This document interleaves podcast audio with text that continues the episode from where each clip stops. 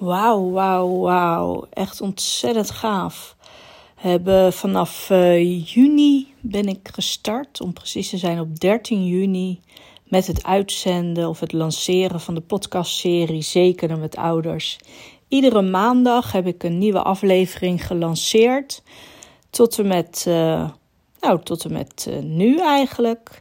En hij is al meer dan 4000 keer beluisterd. En al meer dan 200 mensen hebben zich ingeschreven voor de podcastserie Zekere met Ouders. Super gaaf dat er zoveel mensen zijn die op zoek zijn naar mogelijkheden om ja, op de juiste manieren met ouders te werken. Want het is, een, het is gewoon een uitdaging. Het blijft een uitdaging om te zoeken naar de beste balans. En je wilt vaak met kinderen werken. En dat gaat heel makkelijk. Hè. Kinderen zijn natuurlijk heel flexibel. Um, ze stellen zich open. Je weet wat je aan ze hebt. En je wilt ouders betrekken in het hele proces. En vanuit jouw enthousiasme, vanuit jouw kennis, vanuit je ervaring. Wil je het delen? Alleen merk je dat het op de een of andere manier toch niet goed overkomt bij ouders. Nou, en daarom heb ik deze podcastserie voor jullie opgenomen. Om ja, het verhaal van ouders te laten horen wat zij nu zelf echt belangrijk vinden en waar jij dus zelf ook iets in kan doen. Nou, misschien is het ook wel leuk om te weten hoe wij dat doen binnen Happy Kids Care. We hebben nu, uh, Happy Kids Care uh, bestaat nu 15 jaar. En in die 15 jaar hebben wij trainingen ontwikkeld voor ouders, uh, begeleidingstrajecten waarin we ouders meenemen. En het hoofddoel voor ons is natuurlijk om ervoor te zorgen dat de gezinnen met elkaar gelukkiger zijn. Dat is het allerbelangrijkste. En of dat linksom gaat of rechtsom, dat maakt niet uit. Het gaat erom dat zij het idee hebben en het gevoel krijgen dat het voor hun klopt. En of het nou allemaal via onze waarden en normen gaat, dat is niet de issue. Ik heb het daar denk ik wel eens eerder over gehad in een eerdere aflevering dat het super belangrijk is om je eigen waarden en normen opzij te zetten. Het zijn echte waarden en normen van de ouders die je hebt te respecteren en waar je aan hebt te voldoen. Ik heb wel eens een collega gehad in het werkveld en die kwam bij een gezin thuis en zegt: Judith, ik kan daar niet werken. Ze zegt er lopen honden los en uh, ze hebben daar vogels, de televisie staat eraan, het is daar vies.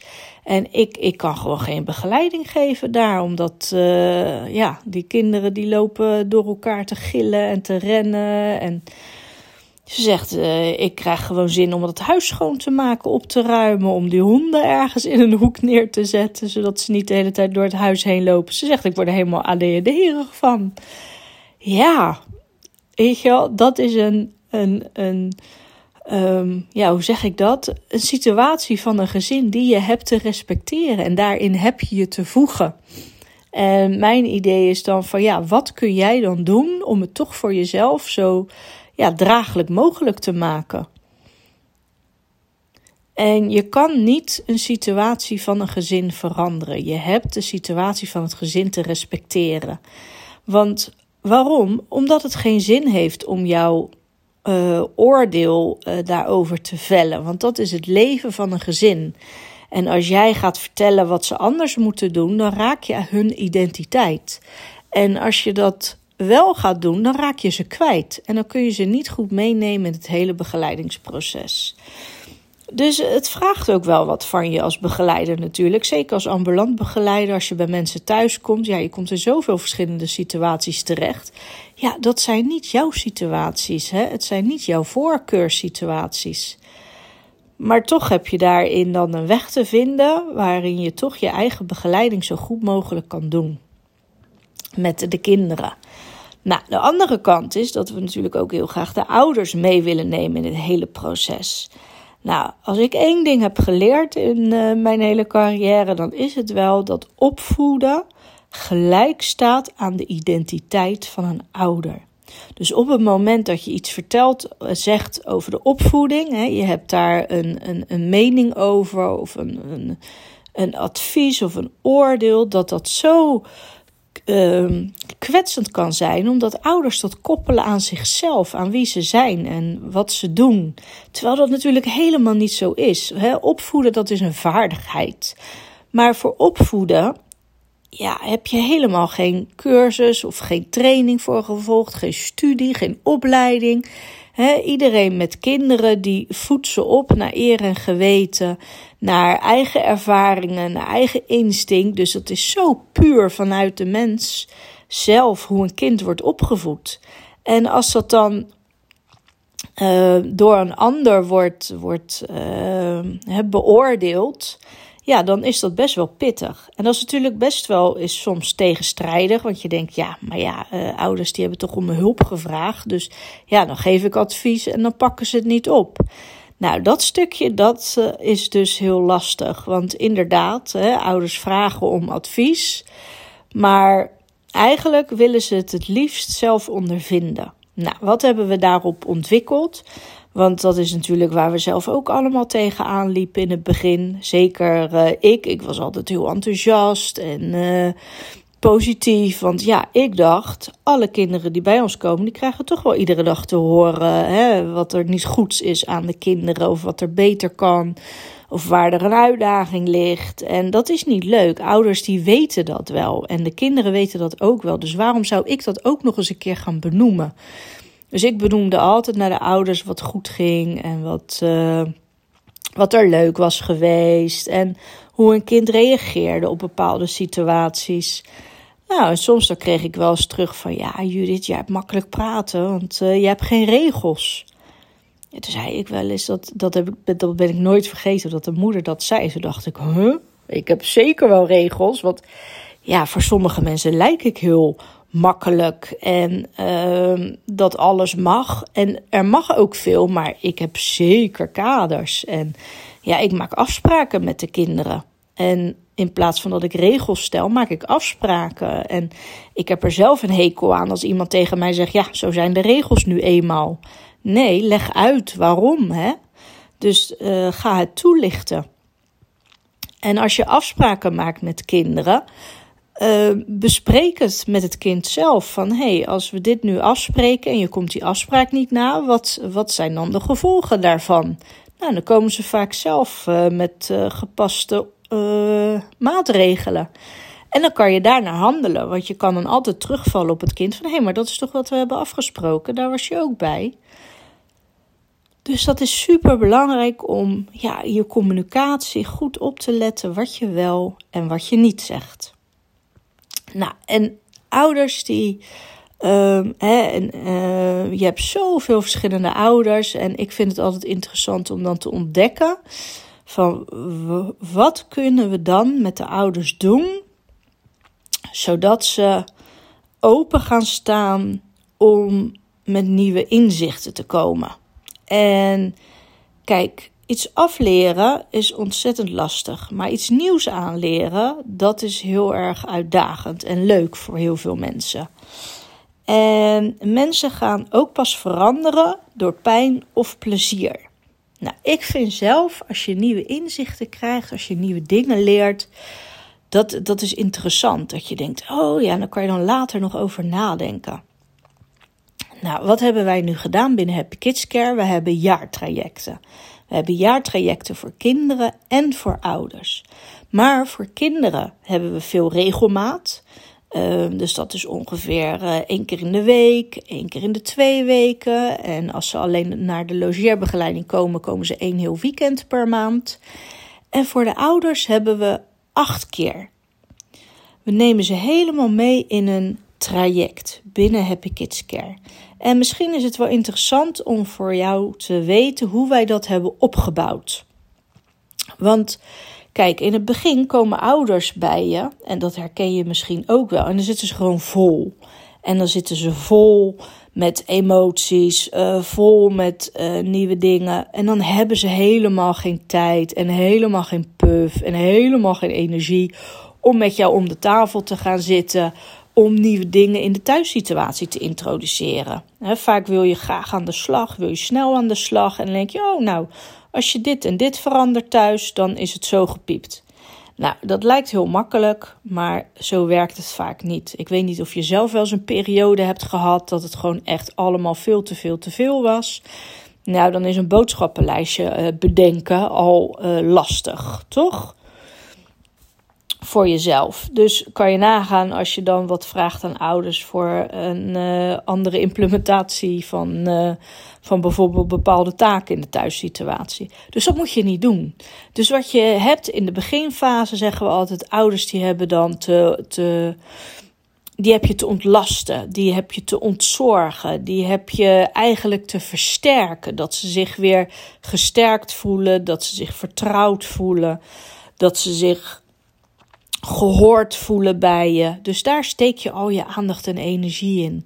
En dan in de tweede fase, dan laat je ouders kennis maken. Kennis maken met bepaalde tools, met bepaalde inzichten.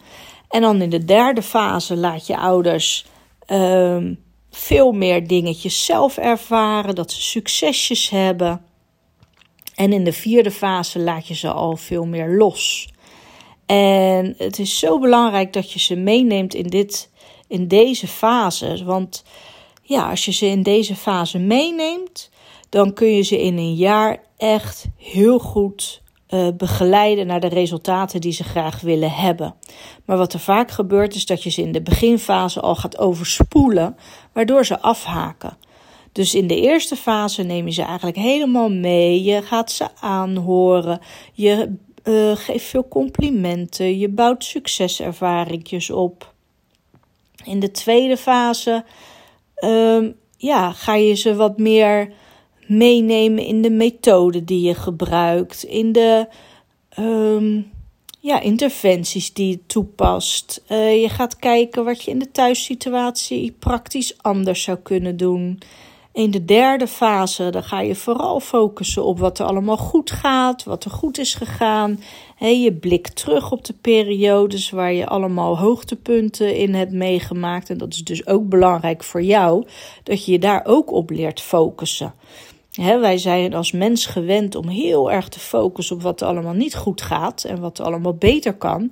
Maar je hebt jezelf echt goed te trainen op wat gaat er goed. En um, waar zit het succesje in? En dat kunnen hele kleine dingetjes zijn, hè? maar dat een ouder bijvoorbeeld al wat minder snel boos is geworden, of dat een ouder complimentjes geeft, of dat een ouder meer geduld heeft, of dat een ouder vooral meer tijd voor zichzelf in gaat lassen. Hè? Want dat heb je allemaal geleerd aan de ouder in de eerste fase. En dan in de derde fase ja, ga je uh, ze die succeservaringen laten ervaren. Want ook ouders zien vaker wat er nog niet goed gaat dan wat er wel goed gaat. Dus het is aan jou de taak om dat goed te, hoe zeg je dat? Ja, te monitoren en te containen. Dat ze zien wat er echt goed gaat, zodat ze zich daar ook goed over voelen. En dat ze daar vertrouwen in hebben. En in de laatste fase, de vierde fase, laat je ze dus meer los. Ja, en wat zijn dan van die inzichten die je kan doen? Hè? Vaak in de eerste fase ehm, ehm, ga ik altijd met ouders aan de slag. Hè? Met, uh, en ik heb er ook een stappenplan voor, uh, uh, voor gemaakt. Dus die zou je ook kunnen downloaden. Eventjes denken hoe, hoe dat stappenplan ook alweer heet. Ehm, oh ja, sneller succes met je klanten sneller succes met je, met je ouders. Nou, dat is echt een heel fijn model. Dat, is, uh, dat, dat zijn verschillende stappen. En dat is voor ouders echt heel erg fijn om uh, te weten en om te hebben. Kijk, ze komen bij jou met een bepaald probleem. En ze willen natuurlijk een oplossing. Nou, dat is vaak wel zo helder en zo duidelijk als wat. Maar wat ze vaak vergeten is hoe kom je tot die oplossing? want veranderen, daar heb ik het in mijn vorige podcast ook over gehad. Dat is wel makkelijk gezegd, maar moeilijker gedaan en nog moeilijker om vol te houden. Dus het is enorm belangrijk dat je weet wat zijn nou mijn energiegevers? Waar word ik nu blij van? Nou, en als je dat met ouders goed inzichtelijk kan maken en dat ze zich daar ook aan gaan houden, dan um, help je ze al op weg. wat ik al zei, in de eerste fase zitten ouders echt wel er doorheen. Zien ze het vaak niet zitten, hebben ze het gewoon veel te druk in standje overleven. En jij wil ze weer krijgen naar standje leven. Want ja, op het moment dat ze weer gaan leven, gaan ze weer genieten en gaan ze weer openstaan voor nieuwe inzichten. Nou, en als jij weet wat helpt bij die ouders om uh, weer in hun energie te komen, dan kan je ze daarop uh, op, op begeleiden, op coachen, op, op aansturen.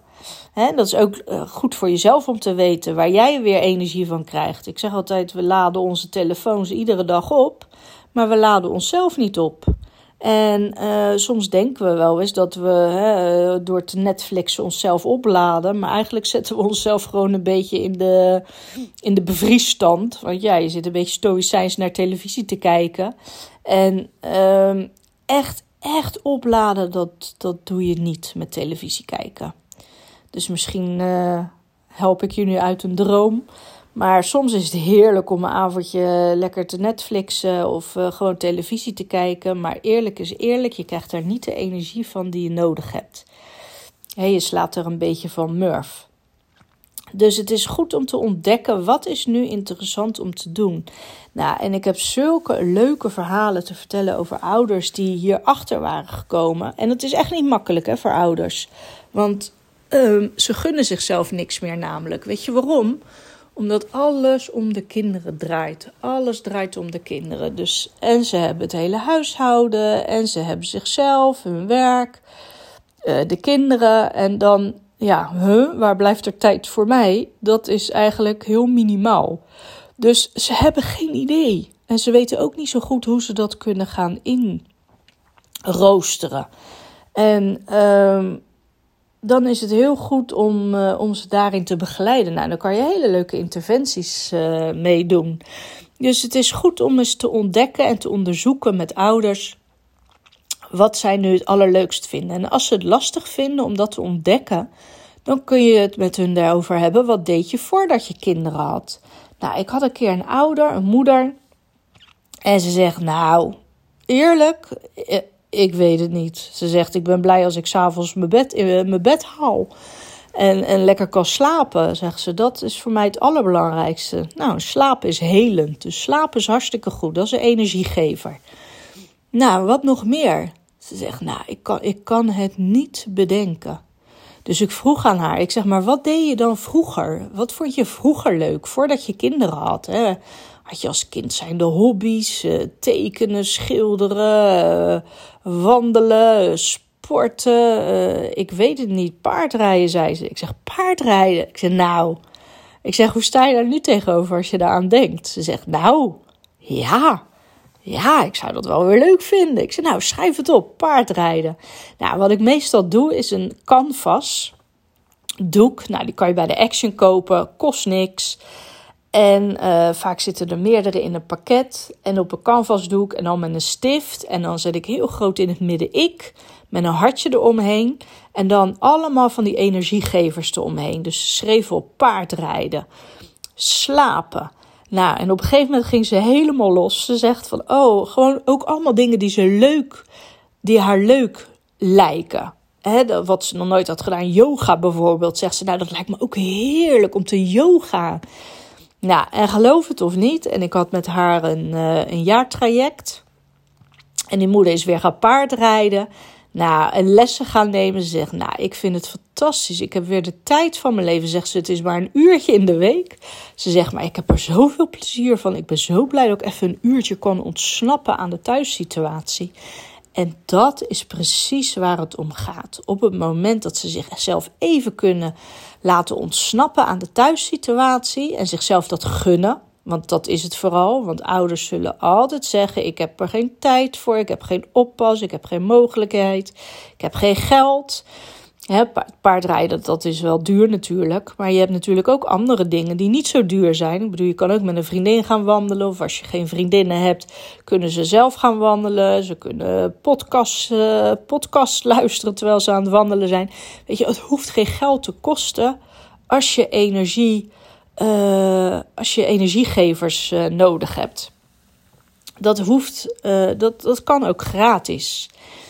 En het is alleen dat je het hebt te organiseren en gun je het jezelf. Nou, en dan kan je daar een heel mooi gesprek over hebben. Nou, wat ook helpt is als je vertelt wat andere ouders doen. dus dat je je ervaringen hierover deelt. Net als dat ik nu de ervaringen deel met andere ouders. Uh, kan jij ook dat doen met, uh, met de ouders, dat je dat bespreekt. Nou, en op dat canvasdoek zorg je dan dat er minimaal vijf uh, energiegevers staan. Zodat ouders altijd een keuze hebben. En ik weet nog wel dat er ook een moeder was en die vond het heel lastig om haar grenzen aan te geven. En uh, zij vond het heel fijn. Ze zegt: Joh, ik kan niet eens een tijdschrift lezen. Zegt ze: Het lijkt me zo heerlijk als ik gewoon even, even op zaterdagochtend een tijdschriftje kan lezen. Nou ja, hoe heerlijk is het als je het gewoon doet? En dat je dan tegen de kinderen kan zeggen: Joh, mama is even van 9 tot 10, kijk maar op de klok. Ben ik het tijdschrift aan het lezen met een kop thee. Als mijn kop thee op is en uh, het tijdschrift is uit, dan ben ik er weer voor jullie. Nou, en dat zijn hele kleine dingen, ogenschijnlijk kleine dingen, die ontzettend veel uh, doen met een mens. Mensen hebben het nodig. En eerlijk is eerlijk, mannen zijn er vaak beter in dan vrouwen. Mannen die kunnen makkelijker voor zichzelf kiezen dan vrouwen. En dat is echt iets wat, het, hè, wat vrouwen, wat moeders veel meer van die vaders af kunnen kijken. Dus dit soort dingen, dat doe ik altijd in de beginfase met, uh, met ouders. Om eerst eens te gaan onderzoeken waar je weer energie van krijgt, waar ze blij van worden, waar ze ja, weer net eventjes een sprongetje in hun hart van krijgen. En uh, ja, dat is soms even zoeken. Maar weet je wat het is? Als je hier één of twee sessies in investeert, nou, dan heb je en een super gaaf contact en een super gave band met ouders. En je helpt ze enorm aan hun basis om te bouwen waar ze eigenlijk naartoe willen gaan. En ja, je kan alleen maar met energie met nieuwe energie, met nieuwe motivatie een verandering tot stand brengen. En op het moment dat ze laag in hun energie zitten, ze zitten in standje overleven, ga je ze nooit krijgen naar een verandering. Dus dit is altijd de eerste fase waar je ze mee kan nemen. Nou, het hele stappenplan dat kun je downloaden of je kan mij een mailtje sturen naar judithapenstaatje.hkcacademy.nl. Dan kan ik je het stappenplan uh, mailen. En daarin staat het hele model uh, beschreven. Er zit een werkmodel bij. En nou, dat kan je zo kant-en-klaar kan je dat uh, overnemen in je eigen huisstijl. En je kan het gebruiken voor, ja, voor jouw klanten. En eerlijk waar, je hoeft er maar één of twee sessies aan, aan te wijden. En daarin zijn ouders al uh, onwijs mee geholpen. Dus dat is een hele, hele leuke om te doen. Nou, ik hoop dat je hier iets aan hebt gehad. Ik zou het heel leuk vinden als je me dat laat weten. Je kan me via de socials bereiken, via de HKC Academy of via Judith Newport. En even denken, wat is nog meer uh, wat ik je wilde zeggen? Ja, wat ook heel gaaf is, is dat ik. Uh,